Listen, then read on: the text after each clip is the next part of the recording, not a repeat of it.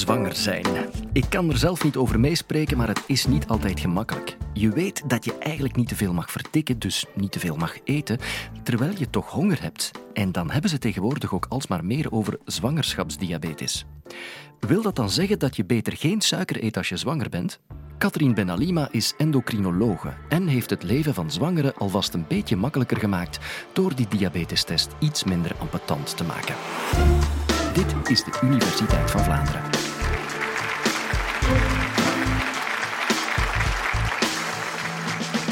Ja, het is nooit goed om te veel suiker te eten. Hè? Of je nu zwanger bent of niet, alles met mate. Maar als je zwangerschapsdiabetes hebt, dan is het wel heel belangrijk om er goed op te letten. Nu, zoals jullie kunnen zien, ben ik zelf ook zwanger. En ik heb zoals elke zwangere vrouw een suikertest gekregen om na te gaan of ik zwangerschapsdiabetes heb. En ik vond dat echt niet aangenaam. Ik mocht dan s'morgens niet eten.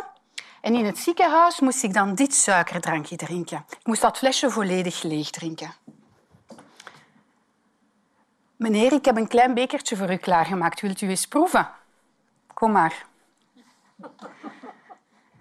Voilà. Moet u erop drinken, ja? En? Hoe smaakt dat?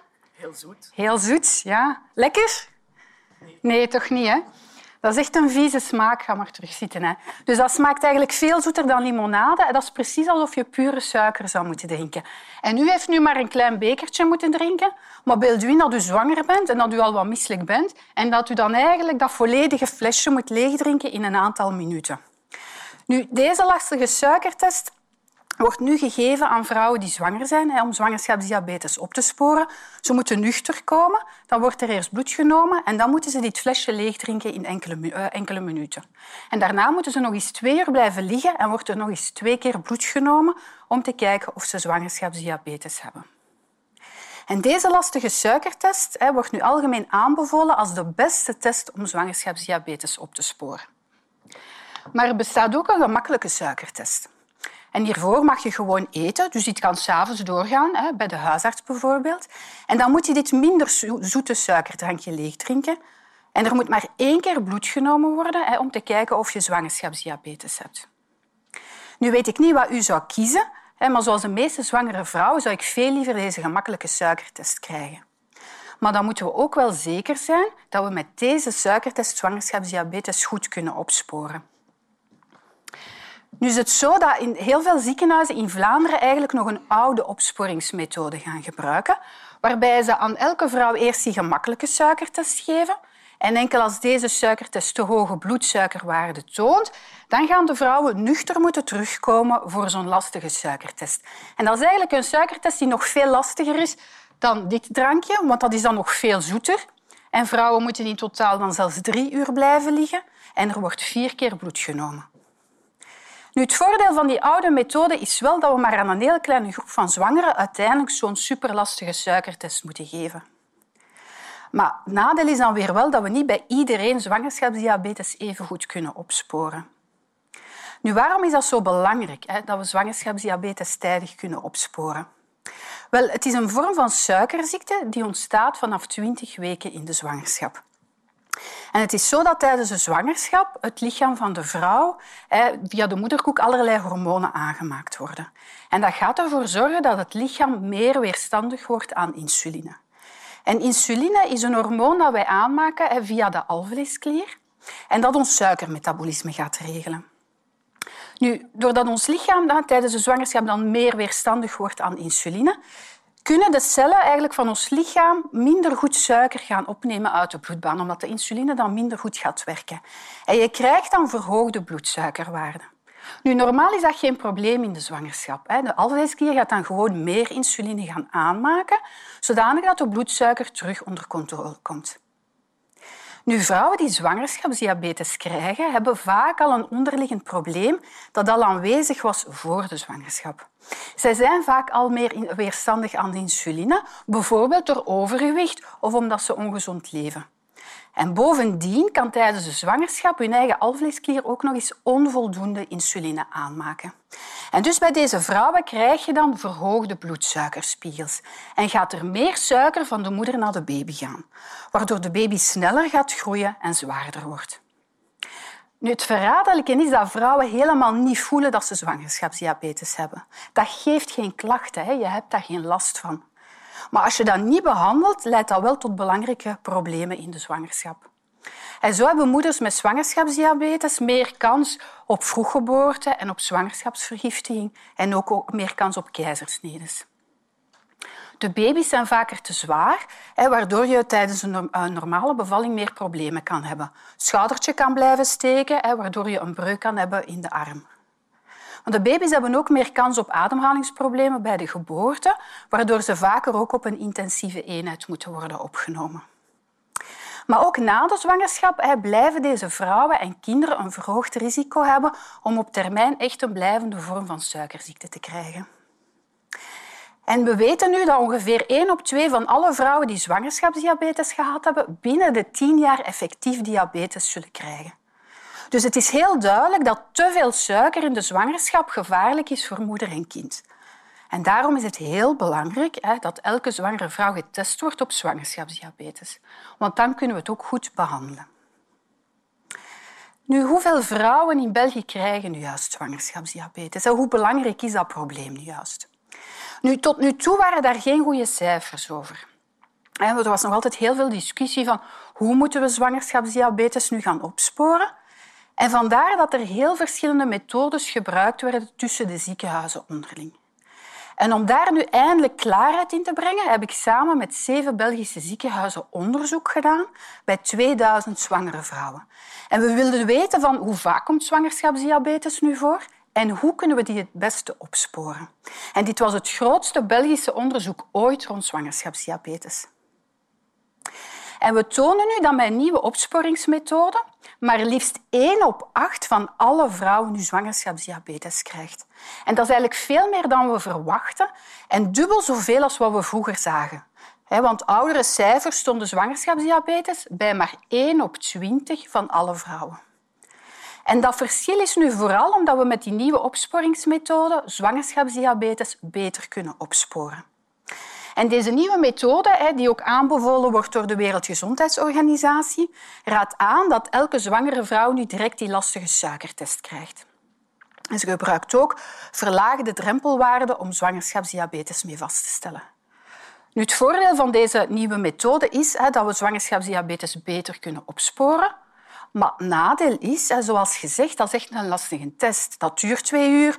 Je mag niet eten. Veel zwangeren zijn hier misselijk van. Ehm, je kan daardoor ook die dag niet gaan werken. En vandaar dat heel veel ziekenhuizen in Vlaanderen deze nieuwe methode nog niet gebruiken, maar toch nog een oude methode gebruiken. Dus een methode waarbij de zwangere eerst gewoon die gemakkelijke suikertest krijgt. En enkel als die gemakkelijke suikertest te hoge bloedsuikerwaarde toont, moeten de vrouwen dan terugkomen voor die nuchtere, uh, superlastige suikertest, die drie uur duurt. Nu, van die oude methode weten we hè, dat het nadeel daarvan is hè, dat we niet bij iedereen zwangerschapsdiabetes even goed konden opsporen. Vandaar dat wij in ons onderzoek eigenlijk een nieuwe opsporingsmethode hebben ontwikkeld, waarbij we nu die gemakkelijke suikertest op een nieuwe manier gecombineerd hebben met de lastige suikertest zoals die nu ook wordt aanbevolen eh, door de Wereldgezondheidsorganisatie. En zo kunnen we aan onze zwangeren eerst gewoon een gemakkelijke suikertest geven en enkel als die gemakkelijke suikertest uh, abnormaal is, ja, moeten we dan die lastige suikertest geven.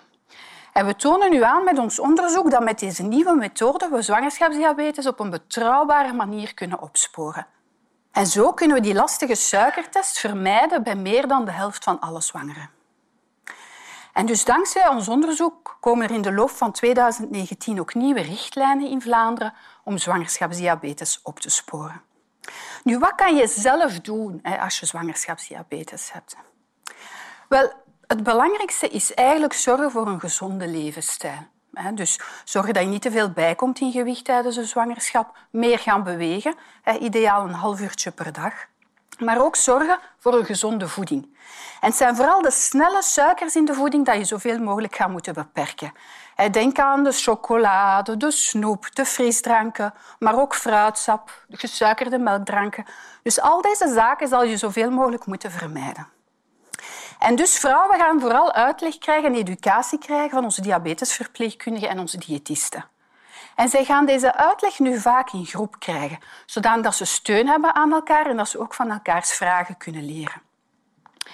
De vrouwen gaan ook een metertje meekrijgen, zodanig dat ze thuis zelf hun suikerwaarde gaan kunnen meten door middel van een vingerprik. Zodanig dat ze zelf gaan kunnen zien, is mijn suiker voldoende onder controle door gezonder te gaan leven.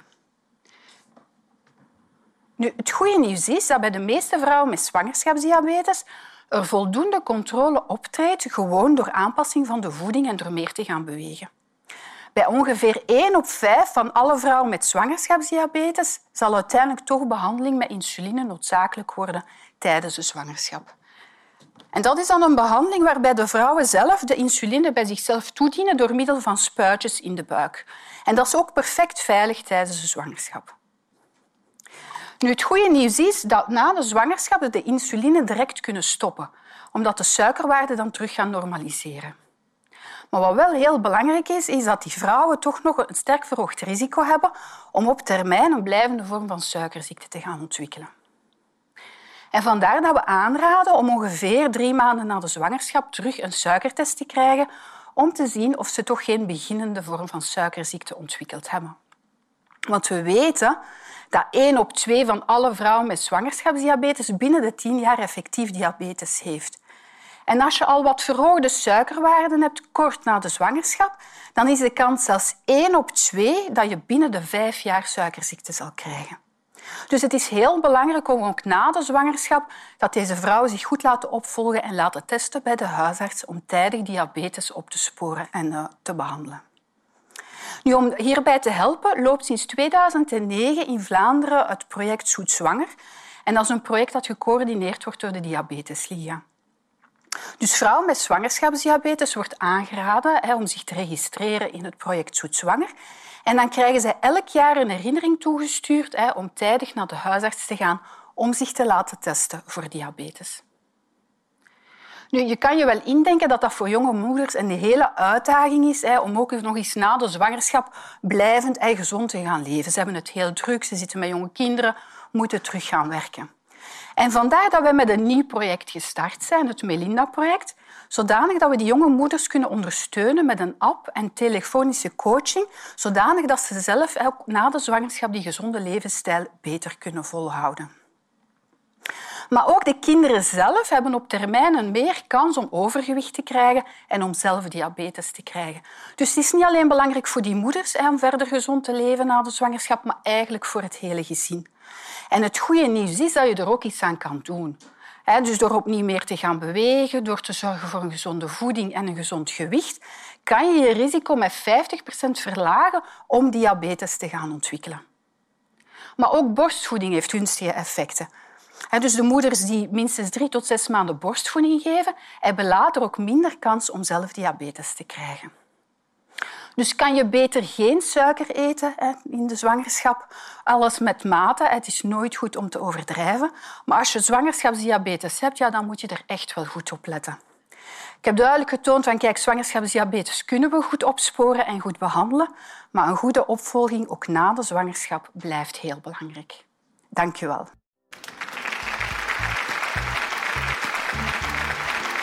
Nog wat meer over zwangere vrouwen? Bijvoorbeeld over je rechten als zwangere vrouw. Luister dan ook naar Lisbeth Stevens. Waarom mogen zwangere vrouwen liegen? En ook deze is gratis en voor niks. En dat kan dankzij onze partners. De vijf Vlaamse universiteiten, de Jonge Academie, KNAK en Radio 1.